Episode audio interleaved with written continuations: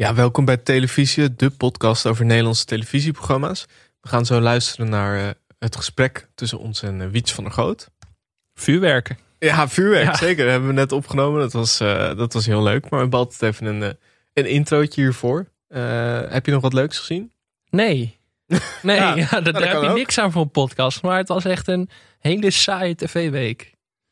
Het was echt gewoon, nee, het was gewoon niks eigenlijk. Het, het echte vuurwerk komt dit weekend. Ja, en dit weekend hebben we dus promenade. Ja, ja. Ik geloof in mij, dat is opeens op zaterdag. Ik vind het zo raar, daar wordt niks over gecommuniceerd. Het was dat jij het zei, anders had ik dit niet eens geweten. Nee, nou ja, wel een promotie van de maandag Ja. naar de zaterdag. Prime time. Ja, Eh, Media Site is weer terug. ja op Eh, vrijdag volgens mij. Ja, en natuurlijk Rondo. Ja, Dus Wiets eh, van der Goot voor het eerst. Het wordt een druk weekend. Ja, ik ben blij dat eh, Hans Klok bij Zomergasten niet dit weekend is, maar Nee. pas die daarna. Want Kunnen we dat zomergasten nog, eh, eventjes overslaan? Ja, Rondo, promenade en zomergasten tegelijk, dat, dat kan eigenlijk niet. maar het is echt zo'n avond voor een tweede scherm. Ik vind dat zo'n raar fenomeen dat er heel vaak is dat het op zondagavond alle leuke programma's zijn. Ja, En dan zit ik op dinsdag te zappen en dan denk ik, nou, is gewoon niks. ik zit nog een beetje in de rouwfase, omdat eh, de Olympische Spelen voorbij zijn. Ja, nee, ik, ik, eh, ik ben gewoon blij dat de Eredivisie weer gaat beginnen eigenlijk. de Olympische Spelen, ja. Jij hebt Feyenoord Atletico gekeken, dus je bent Ja, helemaal opgefokt. Goal het nieuwe single, we komen eraan. Ja. Ja. Ja. ik had wel nog een format eh, meegenomen. Formatje, hè? Ja, ik Ja, was ja. de vorige keer natuurlijk eh, vergeten. Ja, Maar ik zat te denken, andere tijden toekomst. ja. Dus dit is eigenlijk gewoon precies andere tijden sport. eh, of andere tijden. Maar dan dat, dat Hans Goedkoop raadt wat er in de toekomst gebeurt. Dus dan heb je bijvoorbeeld Hans Goedkoop over een overstroming in 2050. Of eh, over de periode van kabinet Emma Wortelboer 2. Ja, ja. Of, eh, of, of, of het kan ook andere tijden sport toekomst. Dus Tom Egberts over hoe Helmond Sport de Champions League wint. Nou ja, ik vind het wel goed format. Ja? Ja, Ja, oké. er zit wat in. En dan ook gewoon interviews. Ja, ja, ja. Met mensen die in de toekomstige tijd over hun Ja. eigen ervaringen Met praten. CGI. Ja. En ik zat ook nog te denken, eh, Maarten van Rossum met zijn broer en zus, die mediacourant berichten van BN'ers voorlezen. Eigenlijk als een soort natuurdocumentaire. Goede podcast zou dat ook zijn. Nee, Ja. je moet wel eigen beeld erbij hebben. Dat ze echt aan tafel onderuit gezakt zitten. Ja. Maar je kunt eigenlijk de Verrossums alles laten doen. Nee, zeker. Alles wordt eigenlijk leuker met de Verrossums. En we hadden deze week ook nog wat eh, luisteraarspost. Of tenminste, nou ja, het ging... eh, we hadden iets op, op Twitter gezet over Baantje. En daar kregen Oh. we heel veel reacties op. Nou, ik moet, ik moet wel zeggen, dat was wel echt een feest. Het was keihard werken. Echt Ja, want wij dachten, we zagen, we zagen een, eh, iets op Twitter over de beste Miami Vice. eh, geïnspireerd, niet gejat natuurlijk. Nee, ge- eh, alleen maar geïnspireerd over de beste de cameo's en, en verschijningen van bekende acteurs in Miami Vice. Toen dachten we, ja, van Baantje heb je daar natuurlijk ook allemaal voorbeelden van. René Vroger als, als vermoorde duivenmelker. En eh, wat hadden we nog meer? Diewertje Blok vermoord. Ja, Grootste zonde op de Nederlandse tv. Henk Spaan als Harry Schrijver. Henk Spaan als schrijver, Harry Schrijver in de moord op de schrijver. Ja, Dat, ja, was ja, ja. echt- dat was heel goed. Maar dat, dat was heel leuk. En daardoor dacht ik van, zin om baantje te kijken. Maar ja. dat is het lastige met baantje. Dat, dat kan eigenlijk niet in één aflevering van ons. Nee, daar moet je eigenlijk een, een spin-off van Ja. maken. Ja, wel, eh, op Twitter ging altijd idee rond voor de koktalk. De koktalk. Die kan niet in Engeland. eh, Nee, ik weet niet of je, of, je, of je dat op Spotify Onze krijgt. internationale luisteraars wordt dat lastig. Misschien is dat dit voor vriend van de show gewoon achter de betaalmuur. Maar goed, eh, we kregen daar ook een, een bericht van Stuimig Weertje op, eh, op Twitter. En die zei, een aflevering over de product placement in Baantje. Dat is ook een goed idee. En misschien over product placement in series in het algemeen. Hij noemde bijvoorbeeld een eh, politieserie in Rotterdam... waarbij Georgina Verbaan elke aflevering groen spul uit een eh, fles dronk. En Sjoerd die had het ook via Twitter over de subtiele sponsoring van de Telegraaf en Yakult. Ja, Yakult. Ja, Victor Renier pakt altijd zo even, even een Yakultje zo. Ja, heel opzichtig in beeld. Ja. Ik vind dat sowieso altijd leuk. Je hebt ook bij bij van die programma's zoals eh, Rob's Grote Tuinverbouwing. dat ze dan heel duidelijk altijd zo even per ongeluk die, die, dat tuincentrum helemaal in beeld brengen. En je hebt het ook bij ehm, eigenlijk al die programma's van Martijn Krabbe altijd. Ja. Ze dan een badkamer gaan uitzoeken of zo. ja, GTST was er ook altijd wel berucht om, toch? Maar ja, ik- god, ik weet nu even niet de titel. Eh, Volgens mij was het een, wel een serie. Maar op een gegeven moment van... Van iemand zei van, eh, heb jij nog een melkuniebreker gepakt? ja.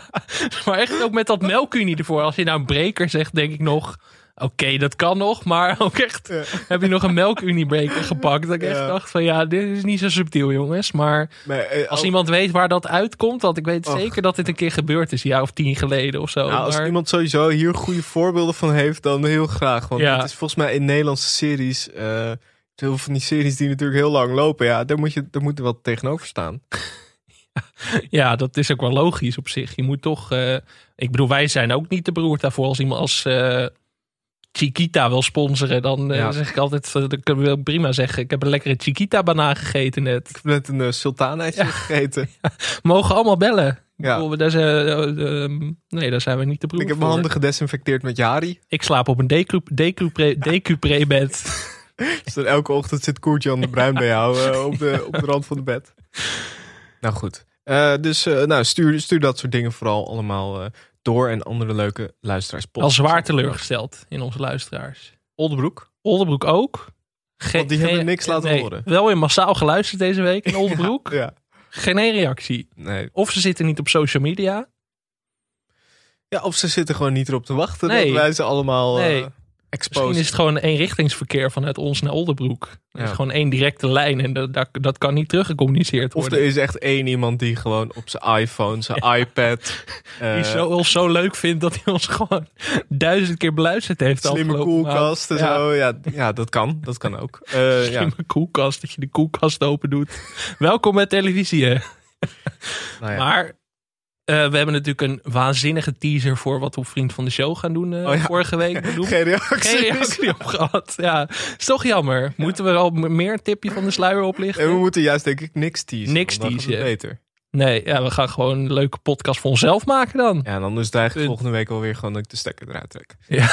Nou, veel plezier bij deze aflevering. Yes. Zal Ja. ik de tune aanzetten? Ja, dat is goed. Eh, nou, misschien nog wel goed om even te zeggen. We gaan het een beetje over, we dachten een beetje chronologisch over jouw eh, tv-carrière. Ja, Ook wel een beetje over commentaar geven, maar dat heb je volgens mij al...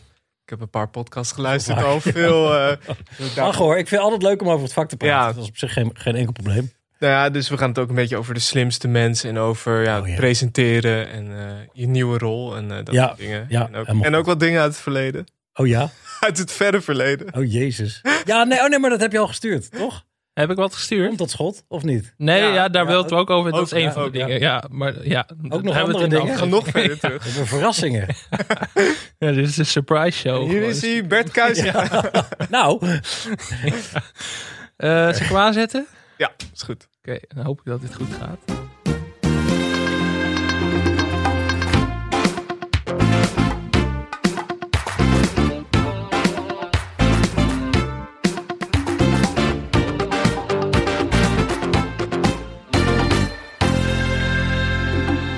Welkom bij Televisie, de podcast over Nederlandse televisie. Staat hij eigenlijk wel aan? Ja? Ik dacht, we hebben hem nog niet gecheckt. blijft dit er dan in zitten meteen? Ja, Wel hè? Hangt er net voor vanaf mijn carrière. wel. Ja. Welkom bij Televisie, de podcast over Nederlandse televisieprogramma's. Mijn naam is Michel Dodeman. Tegenover mij in de studio zit Alex Maasreel. En ook tegenover mij in de studio zit een voetbalcommentator en presentator. Hij werd bijna de slimste mens. Commentarieerde legendarische wedstrijden en was de stem van de Champions League reis van Ajax twee jaar geleden. Hij wordt veelal gezien als de beste voetbalcommentator van Nederland. En deze week begint hij als presentator van Rondo op Ziggo Sport. Welkom, Wiets van der Groot. Dankjewel. Hoe is het? Goed. Ja? Ja. Ja, een stuk beter ook weer nu, nu ik dit hoor. Ik zal hem even naar je toesturen. Ja, Dan kan doe je hem, maar, eh, ja, kan je hem ja. uitprinten. Ja, Het is ook een lekker altijd bij. als wij een gast hebben dat jij de hele erenlijst zeg maar, Ja, ja, gaat, ja. gaat voorlezen. Dan zit je er wel meteen Ja, is lekker in. leuk? Ja, Ja. je, je kunt Ja. ook alle mislukkingen voorlezen. Dan wordt het een heel ander gesprek. Maar het, eh, We zijn, een, we zijn een positieve podcast. Fijn, ja, daarom ben ik hier. Heb je de, de sportzomer een beetje overleefd? Heb je veel gekeken? Nee, ik heb niet veel gekeken. Nee, ik ben, eh, dat is eigenlijk heel saai. Ik ben enorm voetbalminded. Dus ik heb eigenlijk niet zoveel met welke andere sport dan ook. Dus ik heb de Spelen een beetje online gevolgd. En, en ik zet hem er niet voor aan. Geldt eigenlijk ook voor de Tour. Hoewel ik daar iets meer mee heb. Wimbledon ben ik ook wel een keer geweest voor werk. Maar ik heb, het doet me allemaal niet zo heel veel. Ik heb het EK gewoon heel intensief gevolgd. En daarna ben ik me met andere dingen bezig gaan houden. Was dat voor je plezier? Of ook omdat je alvast dacht naar het nieuwe seizoen van nou ja, ik moet dit toch een beetje gezien hebben? Nee, maar zo'n EK, dat vreet ik. Dat Ja. vind ik echt fantastisch. Ja, Nee, dat, dat, dat, is, dat, is, dat is waarom ik zo van voetbal en van mijn werk hou. Weet je, en dat komt dan in zo'n maand helemaal samen. En ik heb best wel veel uh, toernooien ook gehad dat ik aan het werk was zelf. Ja. En dit, dit EK was ik gewoon helemaal vrij. Dus ik heb heerlijk gewoon voor de tv gehangen. Veel te weinig oranje wedstrijden met vrienden kunnen kijken uiteindelijk. Maar wel een paar. Dat vond ik ook wel weer eens fijn om gewoon als voetbalsupporter... en Ja. liefhebber een toernooi eh, mee te kunnen maken. Ja, ben je sowieso een beetje een tv-kijker? Valt wel mee, eigenlijk. Ik zat onderweg hier naartoe natuurlijk te denken van ja, het is een podcast over televisie. maar ik kijk eigenlijk helemaal niet zoveel. Ik heb een paar programma's die ik echt heel erg leuk vind. En ik kijk wel veel actualiteiten en zo. Maar ik zet nooit de tv aan zonder doel, zeg maar. Van Ja. eens kijken wat er vanavond op tv is. En wat, wat kijk je altijd? Er- eigenlijk is er niks wat ik echt altijd kijk. Ja, Nee. ik, ik, kijken zonder kopen. Kopen zonder kijken. Dat vind ik echt een superleuk programma. Weet Ja. je, eh, eh, bed and breakfast. Gewoon van die, van die heerlijke hapslik wegprogrammaatjes. Dat vind ik leuk. En ik kijk regelmatig op één of Umberto of zo. En helemaal als er nieuws is, als er echt een reden is om te kijken. Maar verder, eh, nee, ik, ik ben niet een, geen zapper. Had je dat vroeger wel? Want je komt natuurlijk echt uit een tv-nest. Dat de tv vroeger echt altijd aanstond thuis? Stond ook niet altijd aan. Maar we hadden wel een hele toffe satelliet op het huis. Mhm. Waarmee we echt elke zender konden ontvangen. Eh, en vooral ook de, alle Premier League zenders hadden wij Ja. thuis. De, de oude Sky met de red button. En dan had je echt meer dan twintig jaar geleden allemaal opties. Dat je gewoon van camera kon wisselen thuis. Dan kon je de hele wedstrijd van achter het doel kijken. Of de commentator uitzetten. Wat voor veel mensen een droomoptie is. Dus dat, dat is een beetje waar mijn liefde voor Engels voetbal is ontstaan. En daar, mijn vader is inderdaad, heeft in de, in de directie van RTL gezeten vroeger. Dus die keek heel veel tv-programma's. Maar die had gewoon zijn eigen tv-kijkkamer. Zet je die wedstrijd dan ook wel eens uit en ging je meepraten? Nee. Nee, dat, dat is een heel romantisch beeld van een commentator. wat, waar ik helaas geen bevestiging eh, aan kan plakken. Nee, dat Maar- deed ik niet. Maar heb je nu dan wel zo'n kastje waarmee je alles kan zien? Nee, ik heb gewoon een abonnement op alles. Oké. Ja. Daar, willen we, daar wilden we namelijk nog een keer een aflevering over maken. Over het kastje. Het kijkcijferkastje. Nee, gewoon het, het kastje. Je hebt van die mensen die zo'n kastje hebben waarmee je al alle waarmee je duizend zenders kan zien. Of, Oh ja, nee, dat heb ik ook niet. Oké. Nee. Maar ik wil ook wel een kijkcijferkastje eigenlijk. Ja, Dat, is- dat is ook wel een droom. Gewoon om, te, om gewoon alles, eh, gewoon een hele, hele zenderbazen gek te maken. Gewoon. Hebben jullie al wel eens iemand gezien of gesproken die zo'n kastje heeft? Nee, daarom denk ik altijd dat het een soort van mythe is. nee, mijn opa, mijn opa had een kijkcijferkastje. Oh ja? Ja? Maar ik weet eigenlijk helemaal niet waarom. Of eh, hij, hij had het gewoon. En eh, Maar je moet je daarvoor aanmelden, toch? ja, Of niet? Of word je zeg maar een soort van, net als met jurydienst in. Amerika, dat je gewoon eruit gepikt wordt. Ja, van, nu ja. heb jij kijkcijferdienst. dat is het denk ik. Het is een soort militaire dienst. Wij, wij hadden vroeger wel, kregen wij één keer in de zoveel tijd, kregen we een lijst opgestuurd voor de radioluistercijfers. En dan vulden we echt gewoon met de hand in hoe vaak we waar naar hadden geluisterd. Ja? En daar, aan de hand daarvan werden dan de luistercijfers gemaakt. Maar Ja, dat is net zoals die kijkcijfers. Er hangt heel veel vanaf, zeg maar. Er hangen beroepen van mensen, carrières van mensen vallen of staan ermee. Maar, maar het gaat eigenlijk gewoon om 300 kastjes of zo. vaak. Ja. En dit is dan... nou ja. Unilever baseert daar eh, de, de miljarden die ze uitgeven aan, aan, Ja. aan advertentiebudgetten op. Ik weet niet of het nog steeds zo is, omdat natuurlijk het gros van de mensen momenteel gewoon eh, digitaal tv kijkt. Dus je zou Ja. het veel makkelijker moeten kunnen registreren. Maar of dat zo is, weet ik niet. Nou, het klinkt wel heel modern voor je Offersum. Ik denk eigenlijk niet dat dat, dat aan de gang is. Maar ja, we zouden eigenlijk ooit een aflevering over moeten maken. De weg die het kijkcijferkastje Ja. aflegt of zo. Dan zetten we hem elke zondag op, eh, op, Op Rondo. Rondo. Ja, en dan gewoon in slaap vallen of weglopen. Prima. Wietse, we gaan het vandaag hebben over jouw eh, tv-carrière. Natuurlijk over commentaar geven, over presenteren. Maar ehm, ja, volgens mij de eerste keer, denk ik, dat jij op tv bent geweest. Tenminste, voor zover wij konden vinden, was in 1996. En ehm, ja, ja, als acteur. Ja, maar- Ja, ja, ja. Maar is dit mijn. eh, is, eh, is dit via IMDb of zo? Dat Ja, dan- ja. dat En volgens mij Ja, dus we hebben hopen dat het klopt. Anders Heb je er dan, beelden eh, van? Ja, Nee, joh. tenminste, kijk, we denken dat jij het bent. Maar het is zo lang geleden. Ja, je was volgens mij Wat 14 daar. Ja. Dus nou ja, het is, We kunnen miszitten. als jij het Op niet bent, YouTube? Ja, Als jij het niet bent, dan moeten, we, dan moeten we de hele aflevering even door. Dan Ja. moet je maar aanwijzen waar je bent. Nee, dan ben ik het sowieso. Naam? Jaapie van der Scheur. De pen was op de grond gevallen. Jopie van de Scheur. Nee, Jaapie van der Scheur. Net als mijn opa. Nou, wat kunnen we verdienen? 3 cent per krant. Drie cent? En overal krijg je acht. Nou, en? Je zei dat je nergens zoveel kon verdienen als hier. Dat is ook zo, want hoe oud zijn wij? Wij zijn veertien. Precies, wij zijn 14. Dan mag je nergens anders werken en hier verdien je tenminste nog 3 cent. Nou jongens, dat heb je ervan als het geen CEO is. Nou, doe je het of niet? Hoe zit het met de secundaire arbeidsvoorwaarden? Krijgen we een fiets van de zaak? Dit was jij toch? Ja, dat ben ik.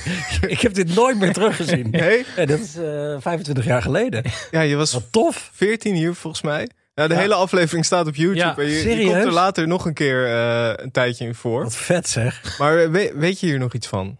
Nou, nu ik het zie. En nu ik het terugzie en die dialoog hoor, eh, eh, zie ik ook eh, het script weer voor me. Dat ik dat leerde. Ja. Ja. jezus, eigenlijk is dit niet eens echt eh, iets om heel erg trots op te zijn. Want mijn vader regisseerde dit. Dus die hadden gewoon een 14-jarig jochie nodig. Die, eh, die dit kon spelen. Dus dit is, dit is weer heel erg eh, kruiwagenachtig. eh, een zoontje van eigenlijk wat hier gebeurt. Eh, maar dit, ja, dat was ik inderdaad. Net de baard in de keel. Ja. We hoorden hem af en toe nog een beetje uit de bocht vliegen. Ah, wel heel overtuigend hoor. Ik geloof het Ik vond het wel heel goed. Ja, ja, zeker. ja, Ja, dat ja. wel. Ja. Maar je had ook meteen veel tekst. Ja. Ja, omdat Het was niet als het, was. ja, maar het was niet alsof je eventjes alleen door, de, door het beeld loop, liep. Nee, nee. Maar dit is niet mijn tv-debuut geweest. Nee. Eh, want nu we het dan toch over die familieband hebben. Ik zat vroeger als jochie al ehm, bij eh, de grote meneer Cactus Show gewoon aan de boksring. Ah. En ik ben ook voorgelezen door meneer Aard bij Sesamstraat en zo. Dus Sterker nog, ik ben als baby, echt toen ik een paar maanden oud was, toen ehm, was mijn vader assistent-regisseur van de docuserie Willem van Oranje. Oh, ja. En ben ik eh, een kind van iemand uit de entourage van Willem van Oranje geweest. Een baby. Dus jij was eigenlijk Meisjes, meisje zelfs, geloof ik. dat zag je natuurlijk niet. een, maar jij was eigenlijk al een soort mastodont in Hilversum voordat je überhaupt de baard in je keel Ja, had. ja, ja, zo zou je het kunnen zien. Gênant eigenlijk allemaal. Ja, vond je dat zelf wel leuk als kind? Of eh, die, die dacht van, dat was ik weet niet echt beter. Dat is wel. Nee. eh, dat, dat, dat is misschien ook wel waarom ik tv maken nu als iets heel natuurlijks en gewoon, gewoons beschouw. Omdat het. Het is niet zo bijzonder omdat ik ermee opgegroeid ben. Maar je hebt wel ook, dat, dat las ik op de website hunksoptv.nl. Wist niet of je daarop staat. Fucking hell. Nou ja, het is Nou nog ja, een ik zal niet ontkennen dat ik mezelf nog nooit gegoogeld heb. ik heb dit ook gezien. Ja, we hebben wel echt diep moeten graven Ja. inderdaad. Eh, Echt, eh, Maar daar stond natuurlijk ook, in- ook in andere interviews dat je wel een acteursopleiding, eh, Ja. een acteursopleiding hebt gedaan. Nou, maar ik wist wel al vrij vroeg dat ik, dat ik de spotlight wel wilde opzoeken. Dat dat me wel lag, zeg maar. En ik dacht eerst dat dat was dan in, in, in, in de acteerhoek. Maar ik was ook in die tijd al mega. Dit jochie van 14 was ook helemaal lijp van voetbal. Mhm. Echt helemaal hout op de botel. Maar ik had nog niet de link gelegd met media en voetbal. En toen ik eenmaal doorkreeg dat dat misschien ook wel een optie was. Toen ben ik daar vol voor gegaan. En welke, welke leeftijd was dat ongeveer? Ja, ik denk zo, zo eind tienerjaren. 18, 19. Eigenlijk toen ik aan die toneelopleiding begon die ik heb gedaan. Toen dacht ik, nou ja, hoe lang heb je die toneelopleiding dat was, gedaan? dat was drie jaar. Oh, dat is nog best Je lang. hebt hem wel ja, die heb ik ook afgerond. Ja. Maar, en ja, daarbij, ik ben ook gewoon geen goede acteur. Dus die optie was er ook niet om daar echt serieus me, iets mee te gaan doen. En toen was ik ook pas 21 toen ik klaar was daarmee. Dus toen ben ik journalistiek gaan studeren. Ja. Ja, Heb je nog wel grote rollen gespeeld tijdens de opleiding? Dat je denkt, eh, Hamlet of zo? eh? ja wel, wel stukken daaruit. Ja. Ja? Maar dat was ook de tijd dat ik, eh, dat ik echt een beetje uit begon te gaan. En, en hier in Amsterdam kwam wonen. Dus Ja. vraag me niet of ik nog iets kan oplepelen. Had je wel bekende klasgenoten nog die later echt grote zat acteurs bij eh, Patrick Martens in de klas. Oh, Oké, ja. Ja, grote naam natuurlijk. ja Grote speler, ja. wel, ja. en die had toen al GTS tegen gedaan. oh, dus ja. die was ook wel een, een, een, eh, al een beetje bekend. Maar jij had En- Ik ben je moeder niet. Ik bedoel, dat is Ja. wel een beetje zo van twee grootheden die keken elkaar ook aan. Ja, precies. Toch een sitcom met eh, Bert Kuizinga. ja, Toch een beetje patron ook van onze Ja, podcast. zeker. nou, ik kwam Bert tegen een paar jaar geleden. Ik was genomineerd voor Talent van het Jaar bij de televisiering. En niet verder dan de, de longlist hoor. En ik stond daar en ik was aan het praten met Twan van Peperstraten, die ik natuurlijk ken van mijn werk. En dat, die blijkt bevriend, dat is een golfmaatje van Bert Kruisinga. Dus die kwam langslopen en die zegt... Jij was zo'n vervelend mannetje vroeger.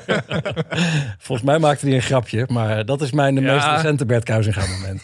Ja. Dat weet je bij Bert natuurlijk ook maar nooit. Maar, maar ook dus voorgelezen door meneer Aert. Hoe Ja. was dat? Dat kan ik me niet herinneren. Oh, dat is allemaal eh, weggezakt. Ja, Ja. Ik kan me wel herinneren dat, dat, dat ik... Kijk, ik werk nu in, in het oude deel van het studiocomplex van Hilversum. En als ik daar die trappen oploop, met die zware stenen treden... Ja, die herinner ik me gewoon nog af van dat ik heel klein was... en dat ik bij mijn vader ging kijken. Er is ook niks veranderd daar, zeg maar, eh, van, van hoe het toen was. Het is gewoon een soort thuisgevoel. Heel gek. Had je als kind ook, eh, wat, wat waren je favoriete programma's? keek je vooral veel voetbal? Nee, wel veel voetbal en telekids en zo. Ja. En eh Rembo en Rembo. Oh ja. Dat soort dingen. Ja, maar gewoon voetbal eigenlijk, voornamelijk. Ja, het was ook niet zo, omdat je dan een beetje uit een tv-nest kwam, dat, dat je echt verantwoord de, tv Nee, moest kijken of zo. Want niet. dat, eh, Nee. nee. Het was ook geen. geen het, het, het, het klinkt nu alsof het een heel groot ding in mijn leven is. En misschien is dat ook wel zo, maar zo heb ik dat nooit ervaren. Ook alsof wij een mediagezin zijn en dat alles bij ons draaide om media Mediakartel, tv ja. maken. En dat je over de tv-kabels moest springen in ons huis. En dat overal lampen op stonden en iedereen in de griem zat de hele dag. Nee, totaal niet. Nee. Nee. En eh, een ander programma dat misschien een grotere rol heeft eh, gespeeld in je carrière was eh, Komt dat schot? Een BNN-programma waarin ja, ze bij BN BNN op zoek ging naar een commentaartalent. De, de jury bestond uit Hugo Borst, Barbara Baat en Theo Reitsma. Het was ook een beetje die tijd van de talentenjacht. 2004 was dit volgens mij. Eh, hoe, hoe, hoe was het om daaraan mee te doen? Ja, ik vond dat heel cool. Ja, het mooie was dat ik al wel als beeldredacteur werkte. Dus ik, ik maakte al wel samenvattingen van voetbalwedstrijden. Gewoon in, in het weekend op eh, gewoon freelance basis. Dat, dat deed ik echt net toen. En toen werd ik door een bekende geattendeerd op het feit... Je had ook net een beetje internet en zo. Dat je je dan kon inschrijven voor die talentenjacht. Dus ik ben daar naartoe gegaan. Dat was eerst in de Kuip. Waren die, die, die openingsdagen. En dan, dan mocht je gewoon ergens vijf minuten naar binnen. En dan kwamen honderden mensen. En daar maakten ze dan een soort schifting uit.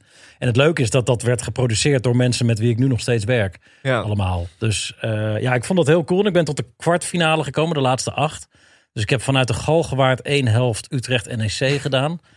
En daarna werd ik eruit geknikkerd. Ja. Ja. maar ik ben wel de enige Nederlander die daadwerkelijk commentator is geworden van de deelnemers. ja, Het is wel zo dat eh, Danny Melger, die inmiddels de beste voetbalregisseur van Nederland is, die, deed- die deed ook mee. Die heeft eh, alle drie de wedstrijden van het Nederlands zelf tot dit EK geregisseerd in de, in de arena. Hm. Dus, dus die is via een andere route ook eh, in, in, in, de, in de voetballerij de- en media beland. En de winnaar was een Vlaamse jongen. En die geeft nu geloof ik in België wel ook ja. commentaar bij wedstrijden. Floris, Floris Geert. Ja, Ben je hem nog wel eens tegengekomen? nee, nooit meer. Nee.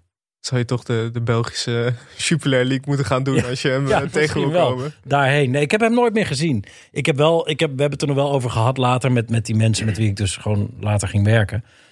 En ehm, ik was ook niet interessant genoeg voor het programma, zeg maar.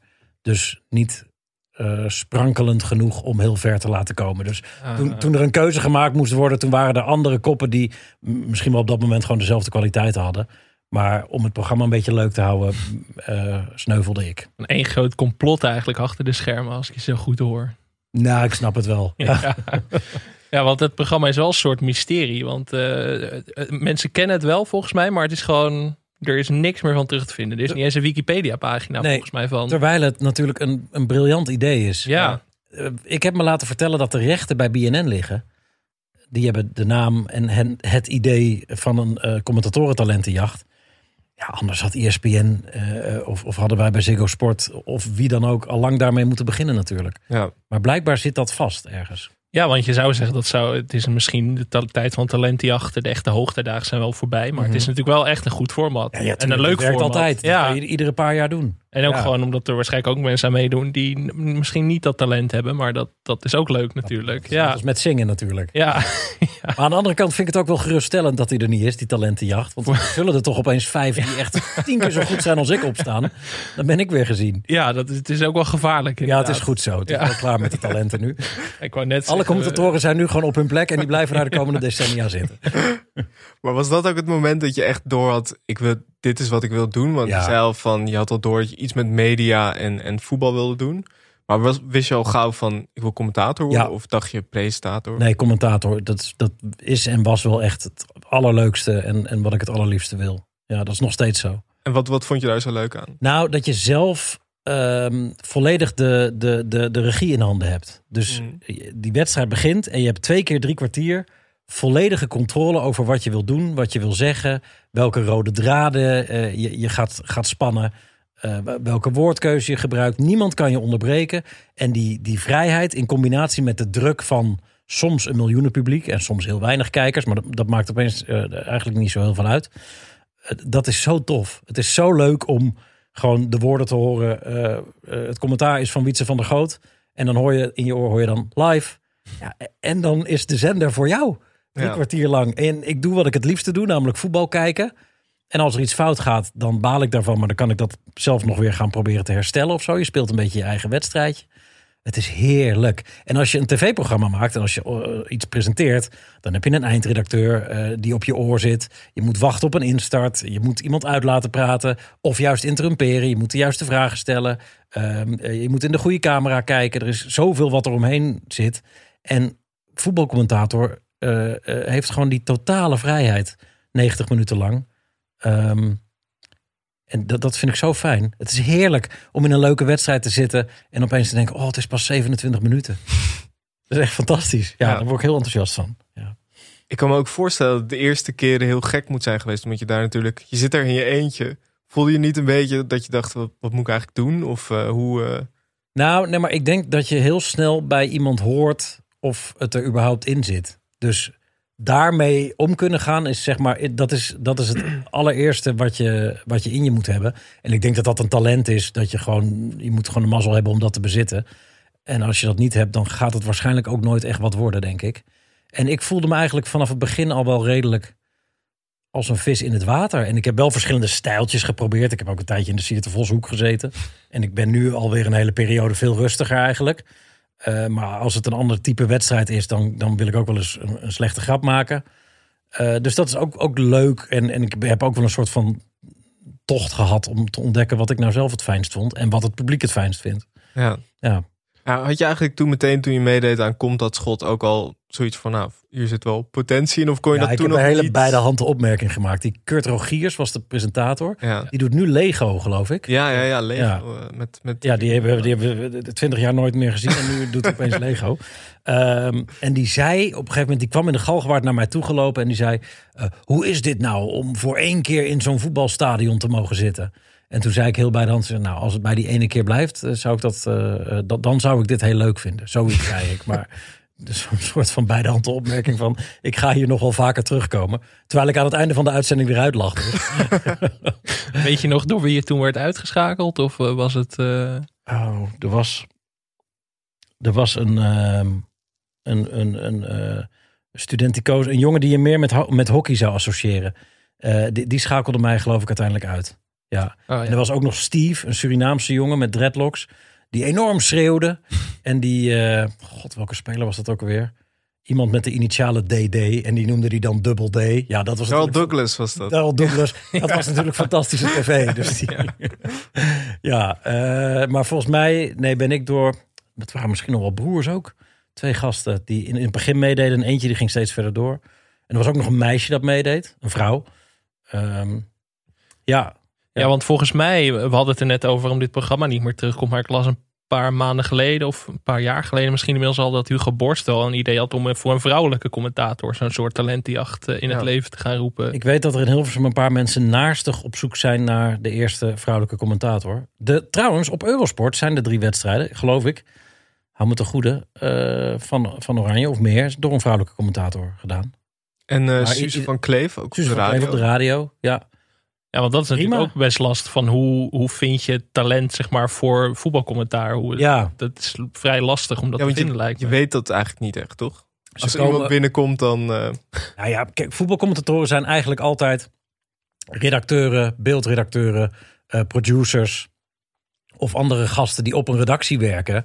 Eh, eh, en die op een gegeven moment zeggen van ik wil dat ook wel een keer proberen. En dan ga je een beetje schaduwcommentaar doen of je spreekt een keer wat in. Maar er is niemand die eh, van de fabrieksband van de school voor journalistiek afrolt en, en, en als kant-en-klare commentator neergezet kan gaan worden. ja. En ik geloof dat er best wel veel talent is in Nederland. Alleen ja, eh, misschien ben ik ook wel een hele goede bakker. Maar ik heb het ook nog nooit geprobeerd. Dus ja, dat, dat, dat weet ik niet. Ehm, ja, dat, de, ja, is een grap. Weet je, wat dat betreft is, is zijn tv-redacties sowieso hele grappige plekken. Want dat zijn mensen altijd. De een heeft rechten gestudeerd en is weer via een vriend binnenkomen rollen. Het is een plek waar natuurlijk veel mensen willen werken. Zo, dat is ook wel misschien wel leuk om bij de tv voetbalsamenvattingen te kunnen maken. Dus een enorme ratje toe van gesjeeste studenten of gasten die, eh, die aan hun veertigste baan zijn begonnen. ja. Dat is wel leuk. Hoe is dat eh, bij jou dan in 2005 gegaan? Want jij ging toen commentaar geven bij Talpa. Hoe heb jij die, die stap gemaakt? Ja, ik ben enorm gaan zeiken. Dus ik was, ik was beeldredacteur. eh, en bij Talpa, dat was de eerste Talpa. eh, en daar werd echt een, een infrastructuur aangelegd. Helemaal voor die tijd, dat was echt fantastisch. Er waren gewoon 15 montagesets met eigen inspreekcellen. En we gingen al dat Super League voetbal, alles werd echt tot in de puntjes fantastisch gedaan. Uh, en ik monteerde dat. En op een gegeven moment ben ik gewoon na die wedstrijden, als dan de commentator van dienst klaar was, ben ik zelf in, dat, in die inspreekcel gaan zitten uh, en, en die dingen in gaan spreken. Op een gegeven moment heb ik dat aan wat mensen laten horen en die dachten, nou, dat, nou, dat zit misschien wel wat in. En toen werden die Jupiler League wedstrijden allemaal live gestreamd op internet. Uh, maar dat is 16 jaar geleden. Dus dat mensen wisten dat dat gestreamd was, uh, werd, dat, dat, niemand wist dat. Dus er keken soms letterlijk 30 man naar. Ja. Maar ik mocht wel naar Volendam Helmond Sport. Of naar uh, Veendam Top Os. En ik zat wel in dat stadion als een echte voetbalcommentator. Maar daar heb ik de ene na de andere uitgeleider gemaakt. Verschrikkelijk slecht commentaar gegeven. Maar wel die meters kunnen maken die echt heilig zijn om het vak überhaupt te kunnen leren. Ja. Want als commentaar, als het één ding is, is het een ervaringsvak. Ja. Ja. Is dat ook waarom er misschien, het, het voelt alsof er niet heel veel doorstroom is, maar is dat ook de reden daarvan? Nou ja, er is ook natuurlijk een, een, een bepaald maximum aan het aantal wedstrijden dat er te becommentariëren is. Ja. En dat zijn er bij Ziggo Sport best wel veel. Maar er is ook gewoon een flinke pool van freelancers. Dus uh, er druppelt er af en toe wel eens eentje door. Maar ja, er is ook niet heel veel vraag naar voetbalcommentatoren. Volgens mij is de, ik denk dat we met 30, 35 zijn in totaal of zo. Zeg maar die, die regelmatig voetbalcommentaar geven. Ja. Ja, en iedereen heeft gewoon voldoende werk. Dus ja, dat... Uh... Nou, er zijn natuurlijk wel net twee grootheden hebben afgezwaaid. Ja, maar ten zijn- Apel en Frank Snoeks. Ja, ja, en Ron de Rijk is helaas eh, Ja. overleden natuurlijk een tijdje terug. Ehm, ja, maar er is, ja, en ik ben er dan bijgekomen. En, en je hebt nu eh, Teun de Boer, die eh, Champions League gaat doen voor RTL. Eh, je hebt jongens als Martijn van Zijtveld, eh George Blauw, die dan ook veel bij ESPN doen en zo. Dus er is van onderop al wel wat, eh, wat extra aan, aan, aanvoer geweest. Maar ik zat van de week te werken met een jongen die dan die Aki's bij ons gaat maken. Eh, dat zijn de, de spelsituaties die met pijltjes en rondjes en zo, weet je, die, die Ja. tactische situaties. Die zei, en dat was volgens mij zijn derde werkdag of zo, die zei: Ik wil commentator worden. Dus weet je, er zijn altijd wel gasten die heel duidelijk die ambitie uitspreken. En waarvan je dan denkt: van, Nou, misschien is het wel wat. ja. Ja. En wa- wat, wat zijn de belangrijkste lessen die je toen geleerd hebt in die eerste weken of maanden? Dat vind ik heel moeilijk. Ja, ik wilde bijna gaan zeggen jezelf zijn. Jezus. Ja, maar misschien Ja. is dat het wel in Ja. alle verschrikkelijkheid. Dat je, oh, nou, zal ik er nog eentje achteraan plakken dan nu ik toch bezig ben? Tegeltjes, eh, kom maar. ja, ja. maar je moet, nee, maar je, ik ga het echt zeggen. Je moet dicht bij jezelf blijven. Dat, ja, maar, sorry, ik, ik krijg van mezelf ook kotsneigingen nu. Maar dat, dat is uiteindelijk wel de essentie van commentaar geven. Dat als jij totaal iets anders gaat doen dan wat je zelf goed vindt. Of dan eh, wa- wat je zelf vindt, vooral ook. Of een stemmetje op gaat zetten. Dan werkt het niet. Want dat hoor je. En als jij gaat zeggen dat iemand heel goed speelt. omdat je dat toevallig op sociale media hebt gelezen dan ga je al een, een, een richting op die totaal verkeerd is. En als je een commentatorstem op gaat zetten. En mijn stem is heus ook wel een klein beetje anders als ik commentaar geef. Maar dat hoor je ook. En, en, en wat volgens mij de sleutel is van goed voetbalcommentaar is gewoon echtheid. Echte liefhebberij. eh, eh, echt graag eh, iets willen vertellen. Eh, dus ja, blijf dan toch maar dicht bij jezelf als het echt niet anders kan. Ja, het, het klinkt cliché, maar ik snap Ja. het wel. Want Ja. het- ik denk dat het als commentator heel verleidelijk is om iemand na te gaan doen. Want er is natuurlijk geen handboek van hoe je commentaar geeft. Nee. Dus wat ga je dan doen? Ja, je gaat je voorbeelden een soort van nadoen. Mhm. Dus wat jij ook net zei, dat je een, een periode had. Ja, ja. Wel met mijn eigen type grapjes dan. Maar dat je gewoon alles zei wat er in je opkomt. Dat je denkt, Ja. van, nou, dit gaat misschien wat ver. Maar... Maar wanneer had je die Seert-periode? Was dat in de Super League? Nee, dat terug was al wel toen ik bij toenmalige Sport 1, dus nu Ziggo Oké. Sport. eh, ik weet nog dat ik, eh, Jeroen Elsof is, is inmiddels wel een beetje een vriend van mij geworden ook. En die zat een keer Aston Villa, Everton te kijken of zo. En op een gegeven moment was het zo saai dat ik zei, joh, als je eh, wil gaan slapen, eh, ga gerust even eh, liggen, doe je ogen dicht. En dan roep ik wel als er wat interessants gebeurt. Dat riep ik live op zender. Eh, wat best wel sierderig is natuurlijk om Ja. te zeggen. En toen sprak ik Elsof een tijdje daarna en zei, nou, toen ik je dat hoorde zeggen, dacht ik, gast, doe even normaal. Dat kan je echt niet maken. Dat zou ik nu ook nooit meer doen. Ehm, dus dat is denk ik een jaar of tien geleden of zo. Nee, maar ik snap wel ook, eh, misschien nog eerder in die verre periode dat je bij Volendam Helmond Sport zit. Dat je eerder de neiging hebt om een beetje lolbroekerig of uh, te gaan ja. doen nog dan... Nee, maar toen zat ik nog wel heel erg in, in die echte openingsfase. Dus toen was ik ook wel echt heel erg gefocust op dat commentaar geven. Volgens mij zei ik heel veel eh. Ja, Heel veel. ja. ja. Zat je dan ook met veel zenuwen ook echt in het stadion? Of ben je daar... wel, ja, ja, Want volgens mij... Nee, dat was niet eens zo trouwens. Ik zit te denken of er ook nog een samenvatting van geknipt werd. Maar zelfs dat niet. Het werd gewoon op het net opkomende internet gegooid. En verder gebeurde er ook niks meer. Maar er waarschijnlijk 80 mensen Ja, ja, Volendam die er dan naar, naar keken als ze Ja. zin hadden. En dan, Precies, ja. Ja, dat is dan wel een lekkere leerschool, toch? Beter dan dat je bij, eh, bij eh, Chelsea-Liverpool meteen Ja. voor de leeuw wordt Ja, gegooid. En, en live commentaar geven is ook heel wat anders dan een samenvatting inspreken. Dat is echt een, een ander métier bijna. Dus eh, ik zie nu niet zo snel in waar eh, een jonge commentator die meters zou kunnen maken. Eh, ja, misschien bij de tweede divisie of zo, of bij een lokale zender. Maar dat ik al bij de zender die de eredivisie uitzond dit kon doen.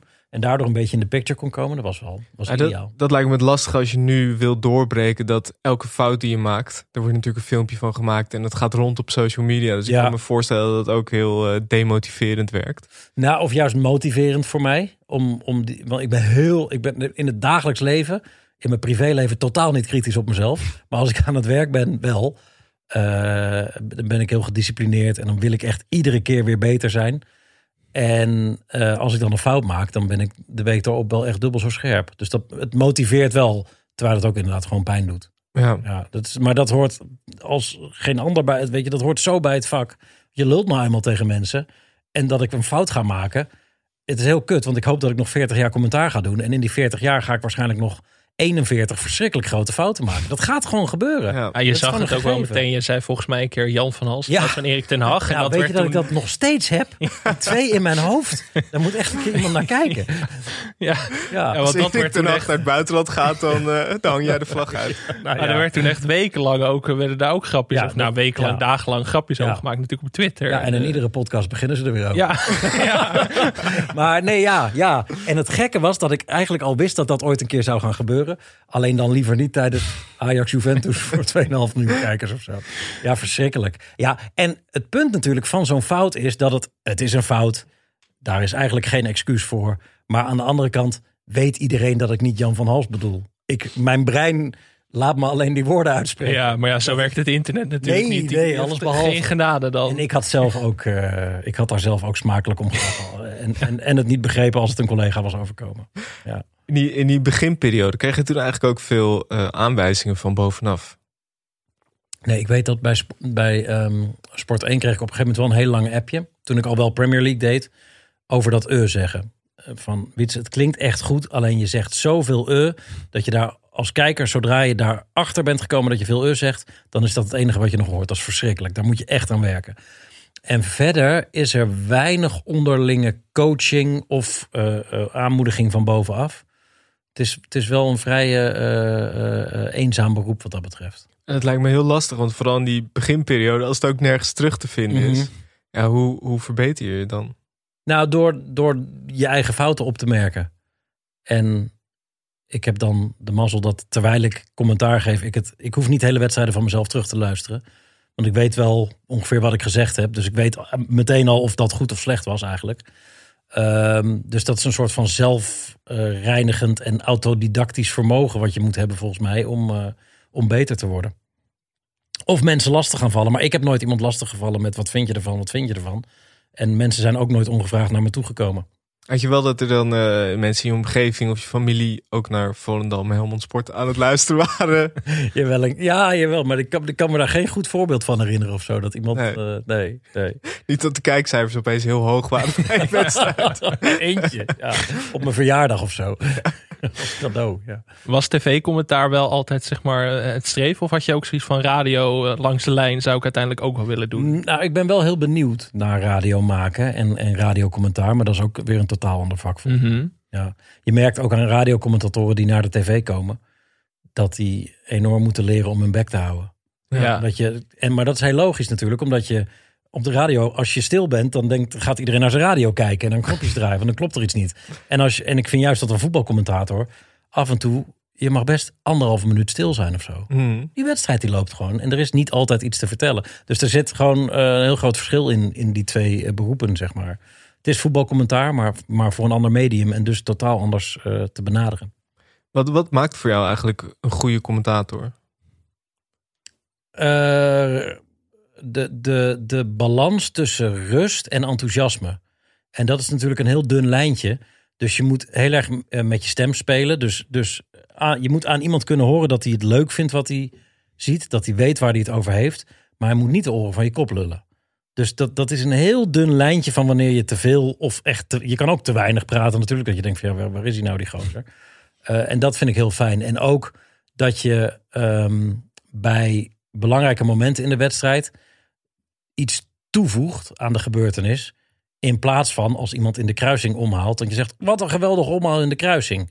Maar dat je er juist iets bij plakt wat het eh, eeuwigheidswaarde, of in ieder geval eh, iets meer waarde geeft. Ja. Ehm, want dat is natuurlijk ook wel, bij, op de radio moet je zeggen dat het een omhaal in de kruising was. En op tv hebben we dat met z'n allen net gezien. Dus dan moet je er iets anders nog, nog bij plakken, waardoor het moment nog mooier wordt.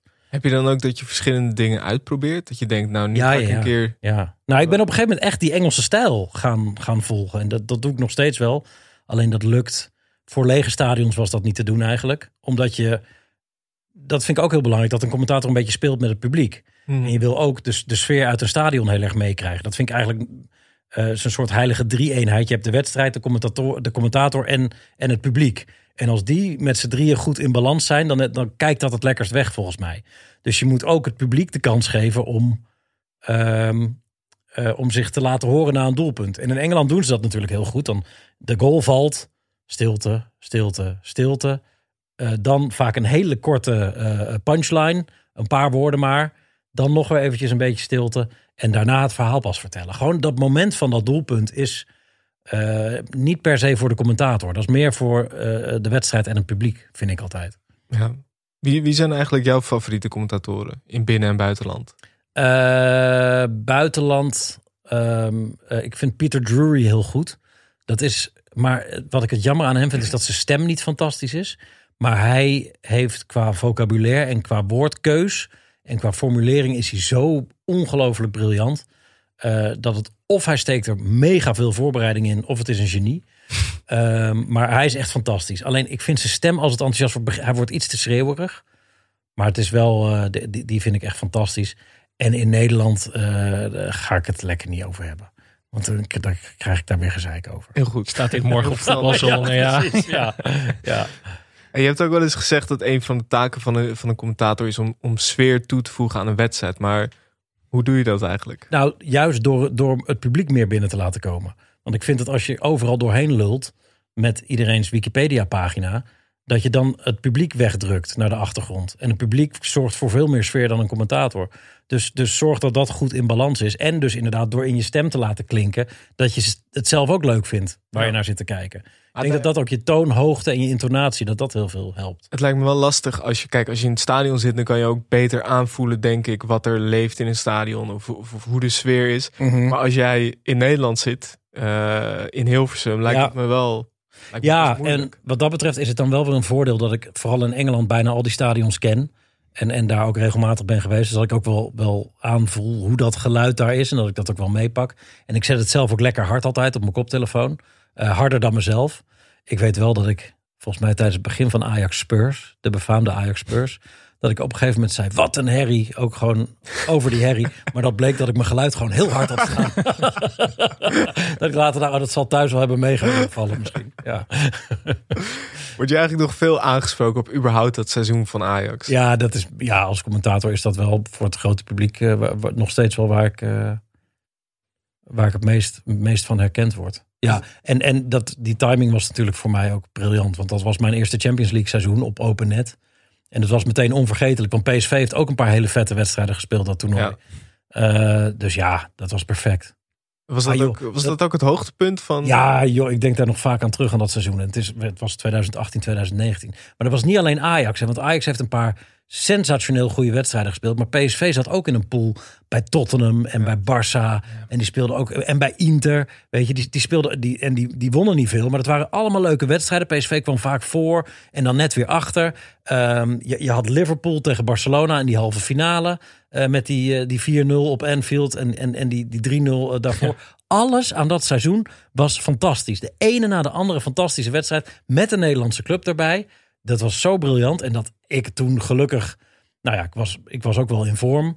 Eh, ik was nieuw. eh, dus dan klinkt het voor mensen helemaal fris. Dan denken ze, oh, eh, leuk. Mhm. Dus, dus die timing, die mazzel die ik in dat jaar heb gehad, is, daar, daar ga ik nog heel lang op teren, hoop ik.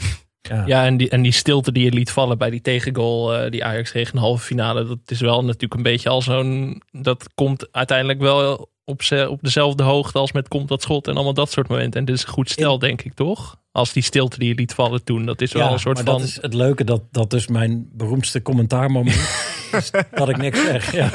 Ja, dat is ook ik een vind reputatie. achteraf overigens vind ik het te lang hoor. Het was 18 seconden of zo. En ik heb het hier, en dat maakt niet uit, want het is leuk om het over te hebben. Maar ik heb het hier altijd als ik ergens te gast ben over. Het is wel echt heel erg lang. Wordt wel een beetje pathetisch hoor. Als je op een gegeven moment 18 seconden je bek houdt. Maar het was wel zo. Kijk, je, je hoort het moment dan vaak terug. Mhm. Maar je moet het eigenlijk terugkijken met de beelden erbij. En dan, dan vind ik het wel weer veel meer ergens op slaan. Omdat je die totale chaos van ineenstortende spelers... eh, die sprintende Pochettino die zijn horloge ook nog verliest Ja. onderweg. En meteen begint te huilen. Dus er was ook op dat moment niet echt iets wat ik kon zeggen... wat het, wat het nog mooier zou maken. Behalve misschien oh of zo, weet ik veel. Of Ja. Ja. ongelooflijk. Maar dat, dat zag je allemaal. De beelden spraken zo ongelooflijk voor zich. Het is eigenlijk beter ook dat je niks zegt dan dat je iets zegt waar je later van dacht. Ah, dit was Nou ook ja. niet helemaal. Als ik dit moment totaal had verprutst... Ja, Maar ik weet, ik weet dat, dat eh, Jeroen Elshoff deed volgens mij, ik weet niet meer met wie, deed commentaar voor de radio. En dat hebben ze ook wel eens eh, naast elkaar gelegd. En hij zei, oh nee, oh nee, oh nee, oh nee, het gebeurt, het gebeurt. En dat had je ook eh, onder het eh, tv-commentaar, of op- bij de tv eronder kunnen leggen. Was het ook mooi geweest. Als, als Ja. een commentator het helemaal in laat storten eh, met zijn woorden. Dat had ook kunnen Ja. werken. Alleen, ik, maar ik ben hier nog steeds wel blij mee dat ik het op deze manier heb opgelost. Ja. Ja. Zijn er eigenlijk nog bepaalde wedstrijden waarvan je denkt, die, je hebt dan dus de Champions League gedaan. Zijn er nog wedstrijden waarvan je denkt, ah, die, dat moet ik nog een keer gedaan hebben? Ja, een WK-finale natuurlijk. Maar ja, dat wordt een beetje een probleem. Ja, Ja. Dan, moet je, dan moet je verhuurd worden aan de... Ja, maar ja, nee, maar kijk, de, de NOS heeft natuurlijk zelf een aantal eh supergoeie commentatoren. Dus ik zie dat niet gebeuren, eerlijk gezegd. Maar het is wel altijd de heilige graal. Hè? Dat ja, is, natuurlijk. eh, Ja, maar dat is voor voetballers en, en daardoor ook voor commentatoren. Omdat dat de grootste voetbalwedstrijd op aarde is. En ik vind de Champions League finale vind ik ook al echt heel fantastisch dat ik die eh, drie keer heb gedaan nu.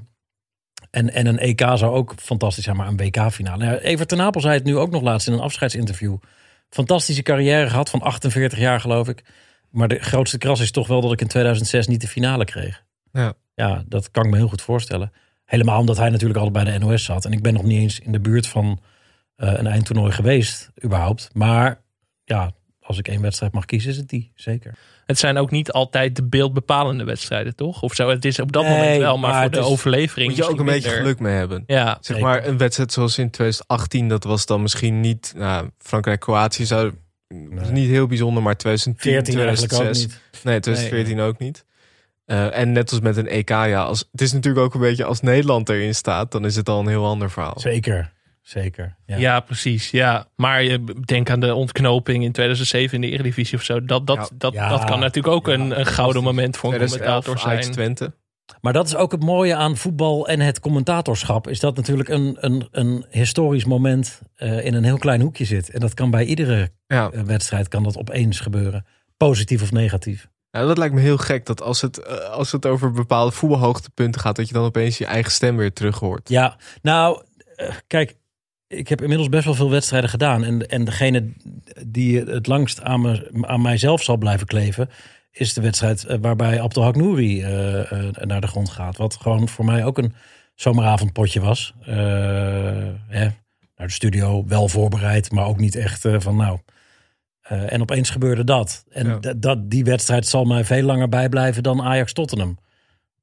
Dus dat, dat geeft ook maar aan dat inderdaad, er kan, als je commentaar geeft, kan er op ieder moment kan er iets onvergetelijks gebeuren, zowel positief als, als negatief. En dat, dat maakt eigenlijk in al zijn verschrikkelijkheid eh, het, het vak wel zo ongelooflijk de moeite waard. Ja, En iedere wedstrijd ook de moeite waard. Dat je nooit je neus op moet halen voor welke wedstrijd dan ook.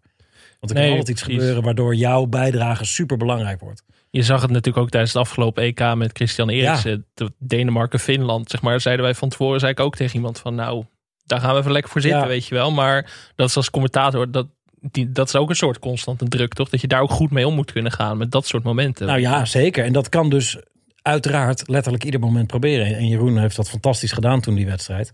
Echt heel goed. Daar hoorde je ook de, de, de, de, de, de, schok en, En dan toch ook, je moet je woorden natuurlijk razendsnel wegen.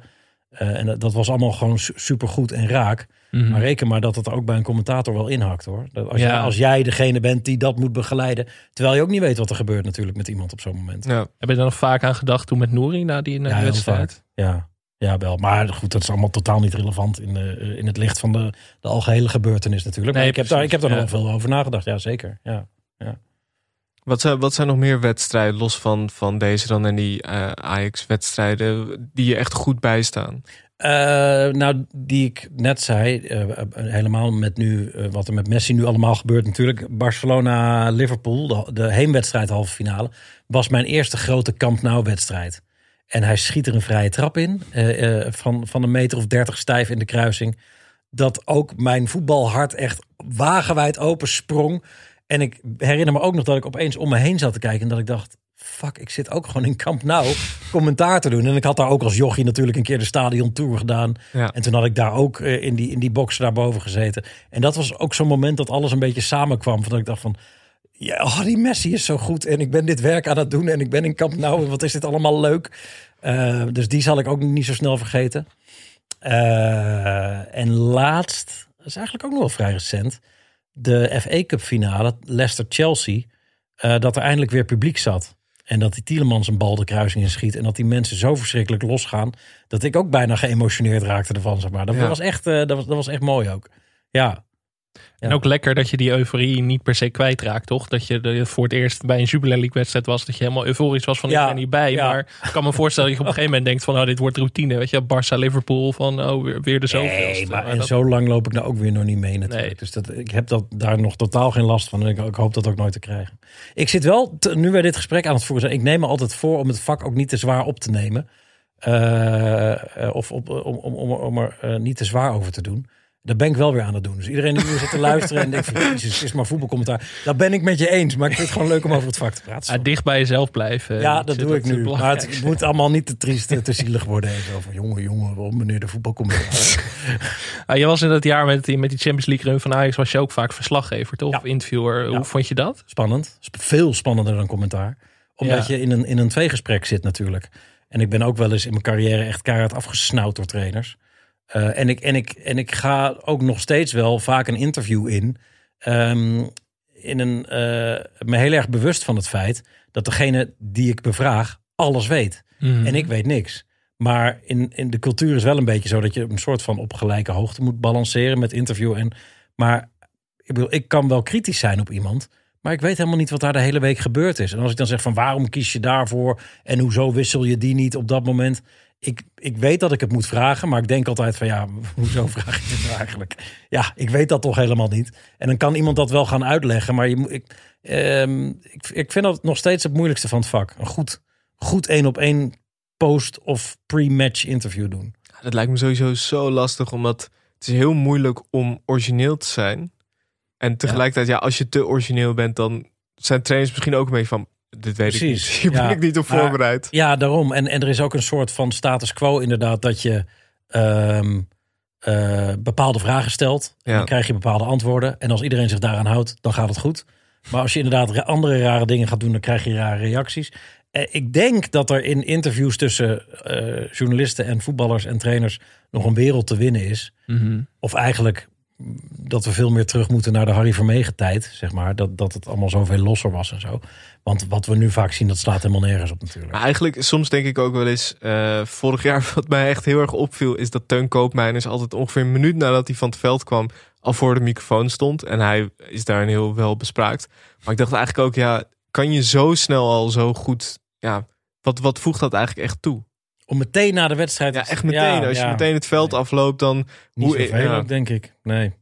Ik, en, en, en misschien heb ik dat ook wel als ik dan interview. Dat ik dan denk van ja, we gaan dit nu wel doen.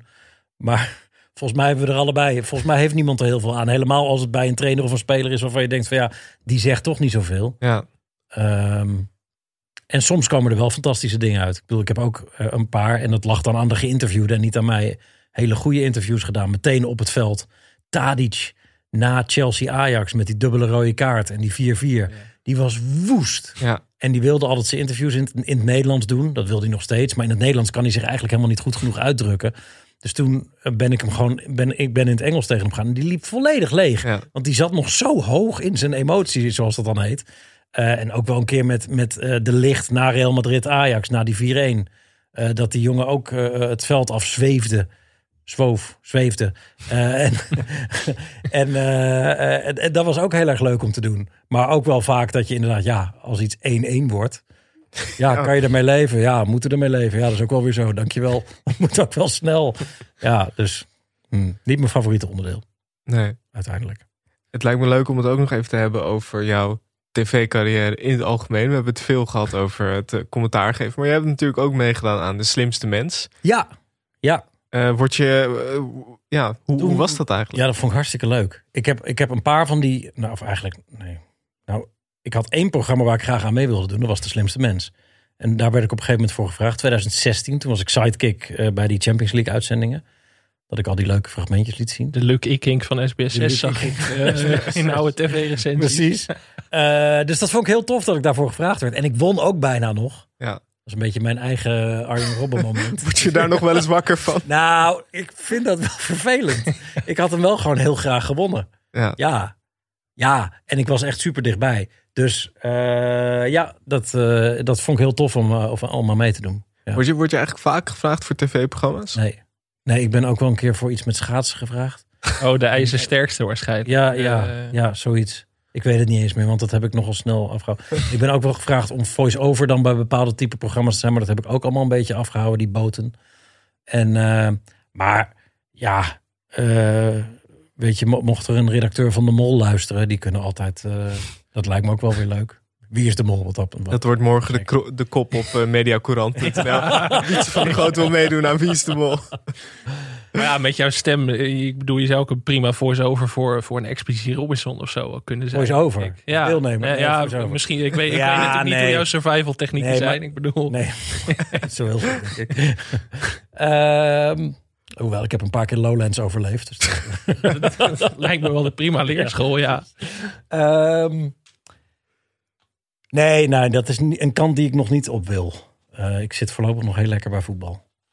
Maar had je eigenlijk meteen bij de slimste mensen, we, we hebben het hier wel vaker met gasten over gehad. Zijn er toch ook veel die zeggen, ja, toch ook wel kans om af te gaan? Had je dat niet? Nee, want niemand kende mij. Ik snap dat als je, als je een hele, hele bekende Nederlander bent, dat je dan eh, het afbreukrisico wel serieus moet nemen, ja. Ehm, maar ik, nee joh, niemand kende mij en ik vond het gewoon leuk om er mee te doen. En ik hou enorm van quizzen en zo. Ja. Ik was ook echt bloedfanatiek. echt, ik weet nog dat, ik, dat die finale net was afgelopen en dat er iemand heel leuk met me, een productieleider of zo, die kwam heel leuk en ik luisterde die, die zei maar, hallo, zei hij ook tegen me. Ik was met mijn hoofd heel ergens anders. Ik wilde echt heel graag winnen. Niet omdat het het grote programma De Slimste Mens van tv was, maar gewoon omdat ik ook die finale op een gegeven moment had gehaald en ook gewoon per se wilde winnen. En je Ik was er er heel zo erg dichtbij. van. Ja, precies. Ik was echt heel dichtbij. Ja. Ja. Je won dat jaar een Shorts van Hout. George van Hout, ja. Ja. Rosemary's Baby. Oh. Ja. Ik ja. heb dit al heel vaak verteld. maar ik weet nog dat Philip Frederiks zei... Wat weet je van de film? En ik kijk nooit films. Dus dat ik alleen maar dacht, zeg Pulp Fiction. Zeg Pulp Fiction. In die fractie. Rosemary's Baby. Ja, ik had er nog nooit van gehoord. Dus ik riep Oscar. En, eh, pas. Oh. Ja, dat was hem.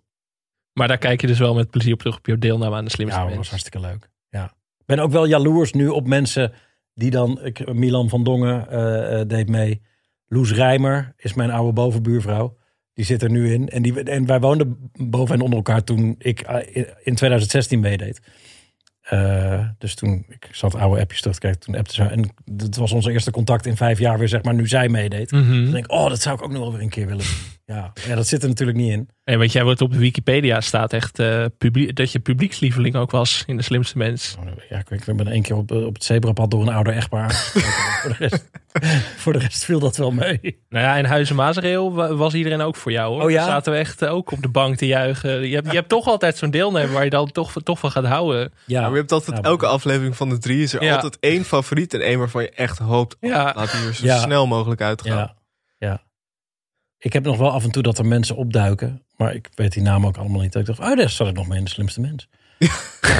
Ja, maar daar hebben ook echt al 600 mensen aan, aan deelgenomen. En dan hebben ze meestal natuurlijk niet, niet de echte A, A, Nee, maar dat vind ik het leuke aan het programma. Is Ja. dat, er, dat er mensen die of een beetje opkomen... of juist heel erg in de periferie van BNR-land hun leven eh, doorbrengen, zeg maar. Dat, dat is het leuke aan het programma. Ja, dat had ik toen een beetje met jou. Dat ik denk van ja, ik heb toch maar mooi wietsen ontdekt. Niet, niet ikzelf, maar weet je wel, je, je ont- ontdekt toch steeds Ja. mensen. Dat, Ja. dat is wel leuk Nou, aan ik het vraag me programma. af inderdaad of dat mijn carrière op enige wijze heeft geholpen. En misschien wel. want Ik was natuurlijk wel veel in beeld op dat moment. Ja, en het is natuurlijk een heel populair programma. Dus Ja. eh, Nou, ik denk dat het bij, eh, was dat Jeroen Elsof die meedeed? Stekelenburg. Guter, denk ik. Nee, Guter. Guter, Ja, Guter. Stekelenburg heeft ook meegedaan. Die redelijk ver kwam. Maar dat is natuurlijk voor, als commentator is het misschien ook wel fijn dat mensen je, je naam weer een paar keer zien en jou in beeld zien. Want ze kennen natuurlijk alleen je stem. Ja, ja nou, en ik doe natuurlijk ook wel veel in beeld.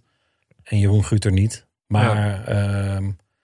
ja, het is volgens mij altijd goed voor je reputatie als je het goed doet in zo'n programma. Ja. Ja. Nou ja, daarover gesproken, over in beeld komen. Je bent dus niet alleen commentator, maar ook presentator. Eh, vanaf deze zomer ben je, ben je de, de anchorman van, eh, van Ziggo Sport. Eh, is dat ook iets wat je altijd al... Want dit is natuurlijk weer naast het commentaar geven en het interviews doen na de wedstrijd weer een ander vak eigenlijk. Heb je dat altijd al willen doen? Eh, ja, maar minder. eh, ik ben daar minder ambitieus in geweest dan, dan in mijn commentaar geven.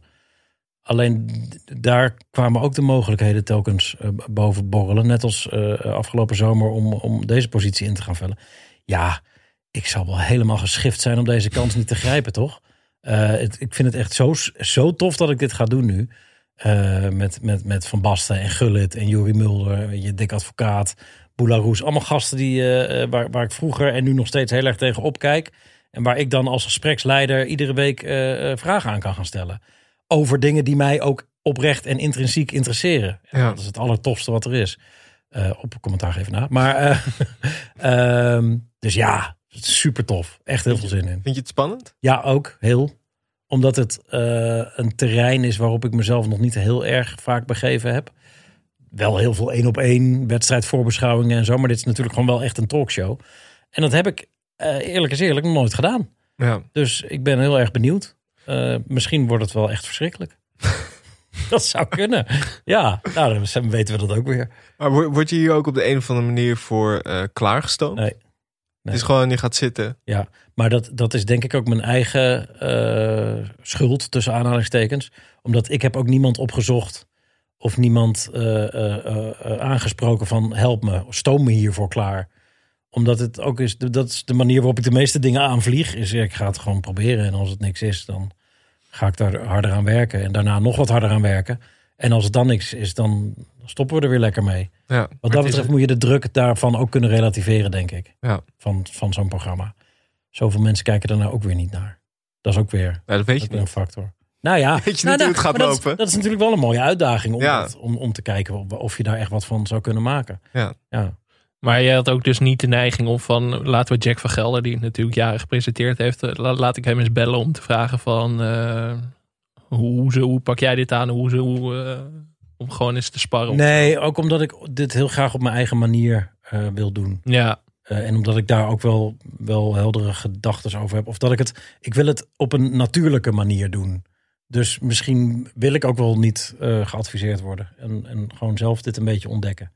Maar misschien heb ik straks wel heel dringend advies nodig. Weet je, dat, dat kan. En daar sta ik altijd wel voor open. Ehm, alleen ik ben niet het type dat daar heel erg naar op zoek gaat. Of laat, laat staan een cursus gaat volgen. Of boeken erover lezen. ja, er werd altijd gesproken toch van klasjes van Jeroen Pauw of zo, om nieuwe mensen klaar te stomen. Dat is ook een soort mythe die altijd, Ja. eh, altijd rondgaat. Dus ik, maar ik word niet warm van een klasje. Ik, Jeroen Pauwens is eh, de beste tv televisiemaker van Nederland, denk ik. Mhm. Alleen, eh, of de beste in zijn genre. Ja, ik, ik meer praktijkjongen wat dat betreft, denk ik. Maar zit je wel een beetje te kijken naar andere presentatoren, hoe zij het doen nu? Ehm, ja, maar daar ben ik dan best wel, eh, best wel cynisch en zeikerig in eigenlijk. Want ik, ik zit vooral dan te kijken naar dingen die ik niet goed vind. Ehm, wat ik het vervelendst vind, zonder namen te noemen, is een gebrek aan intrinsieke interesse in wat je aan het doen bent. dan haak ik altijd meteen af.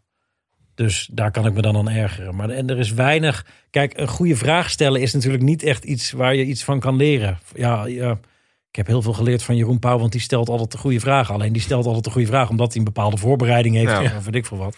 En daarvan zeg ik nou net dat ik dat zelf wil ontdekken. Dus ja, nee, nee, het is niet zo dat ik kijkend naar iemand, maar misschien wel in ontspannenheid of zo. Of dus in inderdaad die interesse uitstralen. Ja. Dat een beetje. Ja. Maar aanstaande zondag eh, ga je beginnen, is je eerste aflevering van Rondo.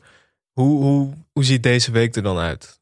Qua Nou, ik ga morgen naar Denemarken voor uh, Midtjylland PSV. Dus daar zit ik nu dan weer eventjes mee. Ja. En dan eh, donderdag hebben we een doorloopdag bij, eh, bij Ziggo. En, en, en, en, en drinken ook nog even een kop koffie met wat mensen die betrokken zijn bij het programma. Eh, dus, dus dan gaan we echt die kant op. Maar ik merk ook dat ik het. ik, ik bedoel, ik wil daar gewoon gaan zitten en dat programma gaan maken. En we hebben er wel wat dingen aan veranderd. En er komen wel wat, wat meer rubriekjes en dingetjes in. En we gaan de focus ook wel wat meer verleggen van de eredivisie naar gewoon wat wij zelf uitzenden. Dus Mhm. nou ja, er is ook wel genoeg om over te praten. Vooral Mm. in buitenlands voetbal nu. Dus wij zitten zondag meteen naar Barcelona Sociedad. Nou, drie keer raaien waar wij het programma grotendeels over gaan vullen Ja. natuurlijk. Eh, met, met mensen die zelf eh, ook de beste van de wereld zijn geweest. Dus eh, dat is een van de dingen waar, waar we nu, weet je, dat zijn we nu een beetje in elkaar aan het zetten. En de, de studio wordt anders. En daar zijn regisseurs en zo mee bezig om een nieuwe tafel en een nieuw decor en een nieuwe cameravoering en zo. En da- daar bemoei ik me ook expres niet mee. Want ik wil eigenlijk ook gewoon zo min, met zo min mogelijk bagage en zo min mogelijk beladen hier aan beginnen. En ik dacht eerst van, oh, ik moet, en ik moet heel erg dit. En misschien moet ik inderdaad ook wel een boek gaan lezen of een cursus. Heb ik allemaal laten vallen. Ik ga gewoon zitten zondag en, eh, en over voetbal lullen. Want dat is het uiteindelijk ook. Ja, want de concurrentie is natuurlijk ook groot. Los van alle voetbaltalkshows die er al zijn. De Studio Voetbals en de Veronica Insights. Dan zijn er ook nog natuurlijk de, de tientallen voetbalpodcasts of zo. Heb je dan ook niet gedacht van... Moet het heel anders gaan doen? Of is dat... eh, Ehm, nee, nee, nee. Maar ik, ik denk wel dat er in, in voetbaltelevisie nog wel een wereld te winnen is. Eh, omdat, nou ja, waar je ook kijkt, het recept is eigenlijk altijd hetzelfde. Ja. Er zitten twee mannen, eh, relatief netjes gekleed, eh, met een groot scherm. En die gaan hun eh, verwachtingen eh, en, en eh, wat ze er uiteindelijk van vonden gaan ze doorspreken. Eigenlijk is er geen zak aan natuurlijk. Ja. Dat is verschrikkelijk. iedereen doet eigenlijk hetzelfde. Nou ja, en ik, en, ik, en ik denk wel eens dat, dat voor een voetbalwedstrijd eigenlijk veel meer een soort van sociaal evenement. Ik weet dat in Engeland wordt al heel erg lang een programma Soccer EM gemaakt. EM als in dat is heel het- goed. Dat is een fantastisch programma. En eigenlijk is het mijn grote droom om dat te maken. Alleen dat is echt wel een grote productie. Mhm. En die hebben een eigen eh, eh, voetbalveld. Misschien heb je het wel eens voorbij zien komen. Jij, jij dus wel, Michel. Ja. Dan gooien ze zo'n bal op zo'n, op zo'n mini trampolinetje. En dan moeten oud-voetballers moeten dan scoren. Echt fantastisch. Dat lijkt me zo leuk om te maken. En volgens mij als je dat in aanloop naar een eh, voetbalwedstrijd maakt. Dat is veel leuker om naar te kijken. Ja, In plaats van... ehm, ja, eh, ze spelen met een opkomende bek. Ja. Ja, het Dus, goede wat ze daar doen is dat je hebt heel veel oud voetballers die daar elke week komen. En normaal gesproken zijn die natuurlijk heel erg, eh, nou ja, goede wedstrijd gespeeld, bla bla bla. Mhm. Zeg maar het, het standaard Ja. riedeltje. Maar gooi een bal voor ze en ze veranderen. Je had er volgens mij, volgens mij eh, Jamie Carragher, die allemaal mensen onderuit aan het halen was. Ja, ja, Die kwam over eigenlijk als een totale gek. Maar dat is, dat is wel eigenlijk een heel goed recept om Mhm. Ja. inderdaad eh, toch weer een beetje teruggaan. Gewoon naar voetbal en niet naar alleen maar aan de tafel zitten. Precies. En de mensen hebben eh, geen pak aan, weet je, zijn Ja. gewoon norma normaal eh, gekleed. En het, er zijn ook echt oud voetballers bij betrokken. Dus inhoudelijk is het ook sterk. Ja. En dat is natuurlijk ook wel belangrijk. Maar het is allemaal vanuit de liefde voor het spelletje en de losheid. Het allerleukste natuurlijk eigenlijk aan een voetbalwedstrijd kijken... is met je vrienden in de, in de eh catacombe van een stadion een biertje drinken... en een beetje slap ouwe hoeren erover. Ja. En misschien zelfs wel zelf een balletje hoog houden tijdens het bier drinken. En als je dat gevoel nou naar een voorbeschouwing ooit zou kunnen vertalen in een, in een tv-studio, volgens mij is dat veel leuker dan een formele voetbalsetting. Ja. Maar goed, Maar je kan bij Ziggo misschien ook net iets meer experimenteren zeker, dan bij de dat denk NOS. ik wel. Dat denk ik wel. Ja, bij de, dan bij de NOS Ja. zeker. Ja, ja, ja. Want dan heb je echt, echt 2 miljoen blikken die je, je echt finaal Zeker. En ik snap ook dat de NOS een verplichting heeft om middle of the road te zijn. Eh, omdat je ook bijna het landsbelang dient door een voorbeschouwing op Nederland-Oekraïne te maken. Dus ik snap Mhm. dat, dat die zich daar minder snel aan zullen wagen. Al vind ik ook wel dat de NOS soms ook wel echt leuk, leuke dingen probeert. Zeker. Want er was Al hoeft het zoekplaatje van mij niet terug te komen. het Soe- het EK-plaatje. Ja, dat, dat was wel echt een goed onderdeel. Ja, Dat was een koelkastmomentje voor mij altijd. ik pak er nog even eentje. Maar ik vond zoiets als dat had dan, nou ja, dat was dan een apart programma, zoiets als eh Tiki Taka Tuzani. Dat vond ik heel leuk om naar te kijken. En heel, heel anders dan wat je gewend bent. Ja, En toch zitten daar ook gewoon die vragen in. En eigenlijk leer je daarin zoveel meer over een speler dan eh, ja, wanneer je een standaard interview hebt. volledig mee eens. Omdat die gasten zich veilig bij hem voelen. Ja. En iets met een bal mogen doen. Eh, waardoor ze eh, ook hun, hun schild wat sneller laten zakken. Ja, ja, eens. Ja.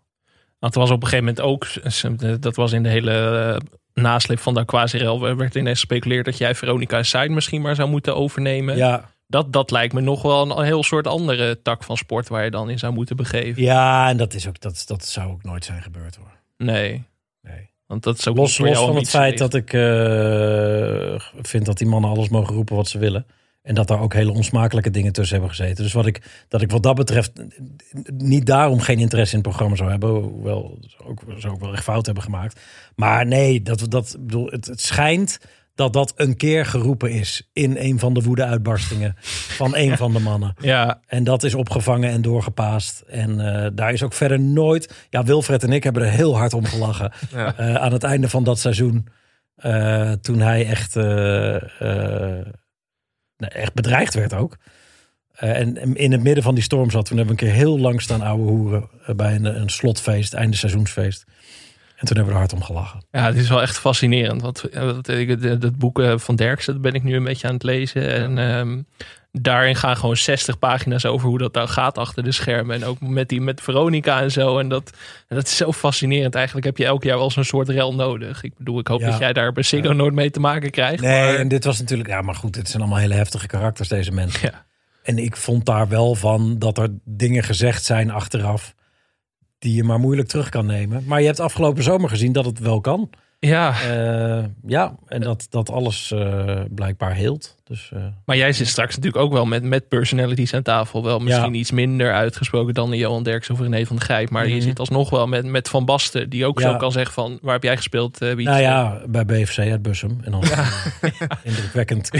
maar ehm, nee, ja, dat is zo. En ik, en ik hoop dat ze mij serieus genoeg nemen om, om, om, om me niet pootje te willen haken continu. En ik heb met de meeste, eh, gewoon, een- of eigenlijk met allemaal een prima band en, en, en al helemaal geen problemen. Dus ik verwacht ook niet. Maar kijk, dat ligt ook voor, aan mezelf, weet je. Als ik eh, eh, eh, de goede vragen stel en betrouwbaar ben, dan gaan ze me denk ik ook niet, eh, niet proberen omver te krijgen. Dus zolang er geen beelden opduiken van Volendam Helmond Sport met jouw commentaar, zit je wel safe. eh. Dat denk ik wel. Ja, nou ja, god, ik we ook wel een keer met Van der Vaart, weet je, dat je dan live op tv zo'n discussie hebt, omdat hij een redding van een keeper, eh, of dat hij, hij vindt dat die keeper die bal moet hebben en ik vind van niet. En dan begint hij, slaat hij ook meteen zo'n toon aan van ja, maar eh, hoezo? Wat, wat zeg jij? Jij bent de presentator van dit programma. Wat weet jij er nou van? Maar dan moet je toch ook op een beetje gezonde manier ook scheiden en als presentator. Nou ja, je moet daarmee mee spelen. Ja, ja, dat is natuurlijk wel zo.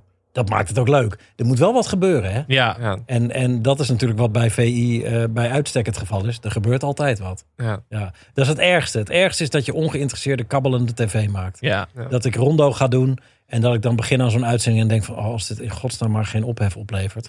Maar dat, dat is, zou verschrikkelijk zijn. Dat ik dan thuis kom en denk van poeh, weer niks gebeurd. Gelukkig. Weet je, dat, dat moet ook weer niet. Ja, wij zijn natuurlijk ook wel een uur en tien minuten nu bezig om jou maar schokkende dingen te, Ik te blijf er. Ja. redelijk... eh, We zijn, er, we zijn er nog niet. Nee. Zou, je, zou je ook nog wel eens iets eh, willen doen, iets presenteren dat helemaal niks met voetbal te maken of met sport Ik heeft? denk het wel. Ik denk het wel, maar dat, dat, dat weet ik nog niet. En ik, vind, ik ben voorlopig ook nog wel hier heel druk mee. Ehm, en ik, ik, ik vermoed dat, dat iets als op één of zo, dat dat wel echt te hoog gegrepen is voor mij. Eh, of wil je dat ik nu iets schokkends ga zeggen, zoals... maar er zitten nu mensen daar dat te presenteren waarvan ik denk, dan kan ik, dan, kan ik het ook. Nee, maar, in- Want dan heb ik dat bij deze gezegd. Maar eh, maar hoezo, hoezo zou dat te hoog gegrepen nee, zijn? ja, nou, omdat, je- omdat Je bent ik... bijna de slimste mens geworden. Nee maar, als ik dat, nee, maar als ik dat doe, dan wil ik het ook wel echt heel goed doen. Ja. Gewoon echt goed doen. En dan. dan eh, en daarmee zeg ik ook eigenlijk dat ik wel vind dat ik voetbalprogramma's goed presenteer. Want ik vind dat ik daar weet ik wat van af. En, en daar zit ik heel erg in. Dus het is, het is A, niet mijn ambitie. En B, zie ik het niet zo snel gebeuren dat ik zoiets zou gaan presenteren. Maar wel, dat heb ik laatst ergens anders geroepen. Ik zou wel een keer een hele vette serie of zo willen schrijven. Ja. Weet je, een goede humoristische eh Ricky Gervais-achtige serie over voetbal. Het liefst. En zou je er dan ook zelf in gaan spelen weer? Nou, dat, dat, dat zou dan zomaar kunnen. Ja. Ricky Gervais heeft dat natuurlijk ook. Ja, daarom. Doet Ja. met bijna alles. Ja, jij heeft- hebt de nou ja. ervaring natuurlijk. Als je een Nou ja, kopietje dat- maakt van die IMDb-pagina. ja, nou ja, ik. En Gervais was ook eh, dik in de 40 hè, dat hij, dat hij The Office schreef. Ja. En die had een radioshow en dat liep allemaal niet zo heel goed. En toen heeft hij op een gegeven moment dit. En bij de BBC zeiden ze, oh ja, is goed joh, ga jij dat lekker maken. En toen was dat zo goed. En dat is mijn droom. En ik moet nu eens een keer beginnen met dat documentje maken. Want ik verzin wel eens hele slechte grappen. Van die hele gênante momenten. Die dan eigenlijk The Office, en dan heb ik het echt over de UK-versie. ja. In hoofdletters. Eh, maar dan met voetbalmomenten. Ehm, ik moet dat misschien maar eens een keer gaan doen, maar ik heb het te druk helaas. Maar dat, dat is mijn echte ambitie. Om echt een goede voetbalcomedy te maken. Hier moeten we je eigenlijk wel aan gaan houden. Want ik zie hier eh, ik zie, ik zie kansen. Ik zie hier ook kansen. Ja, Ja, dat we jou over tien jaar spreken. En dat je hier met een Emmy op tafel eh nou, ja, maar dat, ik- maar dat Ja. lijkt me echt fantastisch om dat een keer... eh, en net als The Office is ook maar uiteindelijk acht of twaalf afleveringen geloof Twee ik. seizoenen, ja. Ja, Dus dat Zo je net mooi in de zomer Ja. tussendoor doen. ja. zo ongelooflijk goed en grappig. Ik kijk het ook heel regelmatig gewoon nog terug. En ik denk ook dat de voetballerij zich uitstekend leent. En, en het personage van een voetbaltrainer ook heel goed eh, te gebruiken is voor iemand die in allerlei gênante situaties terechtkomt. Ja. Op het randje van het eh, betamelijke en smaakvolle ook. Eh, ja, ja, zeker. Want je hebt Ted Lasso is nu natuurlijk de, de hit van het moment. Dat gaat dan over een hele, juist een onmenselijk sympathieke eh, voetbalcoach. Maar je zou ook de hele andere kant op kunnen gaan. De Nou ja. kant misschien en wel David meer. Brent. Ja. Die, die- precies, gewoon zo'n soort type. En ja, ik, vergeet, ik heb zo vaak dat ik ergens ben en dat ik denk van, jou, dit is een goeie. Dit moet, ik moet dit op gaan dan doe ik het weer niet. En dan ik ben het nu weer allemaal vergeten. Meteen in je notities Ja. eigenlijk op je Het telefoon. plaatsvervangende schaamte momentjes. Daar Ja. hou ik zo van. Ja, dat Die- is van dat, die, ja, Pijnlijke stiltes. Daar is ook wel behoefte Maar dan moet je aan. even stil zijn. Oh, Ja. Stil, misschien moet ik hier jouw stilte van 18 seconden even ondermonteren. Maar het, zou- het zou wel zijn dat ik denk dat eh, veel trainers en spelers zouden dan wel hun eigen momenten terugkennen. Dat ze denken, oh Nee, wacht, nee, nee. dat, was, dat was ik. Ja, maar je moet dus inderdaad ook geen waar gebeurde momenten. Maar dingen die, die heel makkelijk zouden kunnen gebeuren. Gewoon. Het, het kan ook heel simpel zijn. Een trainer die Frans gewoon... eh, eh, eh, hoe heet die? Eh eh, die, die, die eh, Jean-Marie Pfaff, weet je, die Duits Ja. probeert te spreken. Zo, dat soort dingen, weet je. Dat kan natuurlijk geweldig voor een moderne trainer... die dan opeens tegen een Duitse ploeg eh, in Europa moet spelen... en zegt, nee, een persconferentie doe ik in het Duits. Het is geen enkel probleem. En dat hij dan allemaal hele, hele rare dingen gaat zeggen. Dat, eh, ja. Eh, ik heb nog wel één slotvraag trouwens. Of had jij nog eh, Nee, nee. andere vragen? Jouw voorganger Jack is natuurlijk ook artiest geworden. Wanneer kunnen we jouw versie van Summer Holiday gaan verwachten? Nee, niet. Nee, nee. Ja, ik vind dat wel leuk dat Jack daar, daar die, die doet dat allemaal gewoon lekker. Die heeft natuurlijk ook eh, eh, altijd al Talenten Zeen in de lucht en Spel zonder grenzen en zo geloof ik dat soort dingen allemaal erbij gedaan in de musicals. Die, die, die heeft gewoon zijn hobby nog lekker erbij gepakt. Ja, Alleen nee, nee, ik zou het dan eerder in de hoek van een televisieserie maken of zo zoeken. Of eh, ik zou wel op, op een radioprogrammaatje of zo ooit een keer willen doen. Zeg maar als eh buitenechtelijke avontuurtjes eh, naast het voetbal. Maar nee, ik zou niet zo snel eh, gaan zingen. En als Jeroen van der zorgen. Boom jou belt om in hoge bomen te gaan zitten, is het Dat dan... moesten we eh, nog maar even niet doen. Dit is jullie fetish, toch? ja, dat is zeker. Ja. Ah, Voor nu eerst maar eh, Rondo tot een eh, goed einde brengen. Maar Ja. dat gaat helemaal goed komen. Ja, ja, ja, misschien dat mensen dit nu over een paar maanden opzetten. En dat ik verschrikkelijk nat ben gegaan. En dat ze het smakende, smakelijk en vol leedvermaak zitten te luisteren. Nou, lach maar lekker mensen. Gewoon lekker weer commentaar doen. Aanstaande zondag ga je beginnen. Eh tien uur geloof ik. Tien uur, ja, maar in principe zitten we wel tien voor acht. Het oude, het oude tijdstip. Alleen af en toe, als Barcelona of een andere grote ploeg speelt... dan maken we daar natuurlijk met liefde plaats voor. En dan zitten we daarna... ehm, we zitten tegenover Promenade, hè? Ja. ja, dat is Ja, wel... Dat dat is is wel een we worden nu al verscheurd eigenlijk. Ik weet nu al niet meer wat, Nee, ik ga Rondo dan- kijken. Over, Ja? Promenade opnemen. over goede televisie gesproken. Ja. Promenade. Maar promenade is wel gevaarlijk dat Twitter zeg maar alles, alles kapot ja, gespoord je moet je, dan. je Twitter... eh, ik ga zondagavond... ehm, promenade kijken terwijl je ronde aan het ja, nemen bent. zei je Marco? Ja. Kijkend op mijn telefoon. Nee, ehm, oh, en vanavond. Ja, nee, dit wordt dinsdagochtend uitgezonden, hè? Ja. Eh, foute vrienden. Ja, ja, ja. Eh, hopen dat iedereen op tijd in bed ligt vanavond bij mij thuis. Ja. Dat ik hem aan kan zetten. Ja. Goed. Heel fijn dat je er was. Hey, leuk jongens. Altijd leuk. En eh, nou, veel succes eh, de komende tijd. Dank je wel. goed komen. Ja, ik heb Vond je deze... Oh, sorry. Nee. Dit was zo'n Ik ongemakkelijk nu een beetje vallen. Vond je deze podcast leuk? Laat dan een recensie achter op iTunes. Je kan ook vriend van de show worden. Dat kan op vriendvandeshow.nl slash televisiepodcast. Of stuur eens een bericht op Twitter of Instagram, at televisiepod. Of mail ons op televisiepodcast.gmail.com. Veel dank aan Dag en Nacht Media, aan Studio Cloak voor de tune, aan Wijts Valkema voor de illustratie. En natuurlijk aan onze gast Wiets van der Goot. Heet die jongen Weidse? Ja, Echt waar? ja, de, de- nou ja, we zijn er... Ja, dat weten we dus eigenlijk nog steeds niet. Ik heb nooit 60 een Weidse- afleveringen. Ja, je schrijft het dus W-I-J-T-Z-E. Maar Dus het was hier ook wel, staat Weidse en Wietse achter elkaar. Dat is even verwarrend. Ja, ik, ik ik ben heb nog nooit een Wietse, Weidse. maar jij hebt gezegd Weidse. Dus, eh, maar Weidse heeft zich nog nooit gemeld. nee, nee, Weidse Weidse luistert luistert niet. niet. Nee, nee. Nee, Ik weet wel dat ik- toen ik leerde schrijven, dacht ik ook dat mijn naam met een lange ei was in plaats van met een Y, omdat je het verschil nu ziet. Dus ik zet er ook altijd puntjes op. Maar ik heb nog nooit een Weidse ontmoet. Misschien luistert hij, eh, denkt hij daarom, dit ben ik het. Dat heb ik helemaal niet Nee, gedaan. Ik heet misschien is dit het Weidse. moment om, om in te grijpen, Weidse. Volgende week proberen we Wietse Valkema aan te kijken of hij reageert. Of je het retweet. Tot volgende week. Ja, nog even een shout-out naar alle fans in de Oldenbroek. Nou, Oh ja, ja. elke week. Ja. Stonden weer in de top 5 Ja. Oldenbroek. Heel goed. Tot volgende week. Tot volgende week.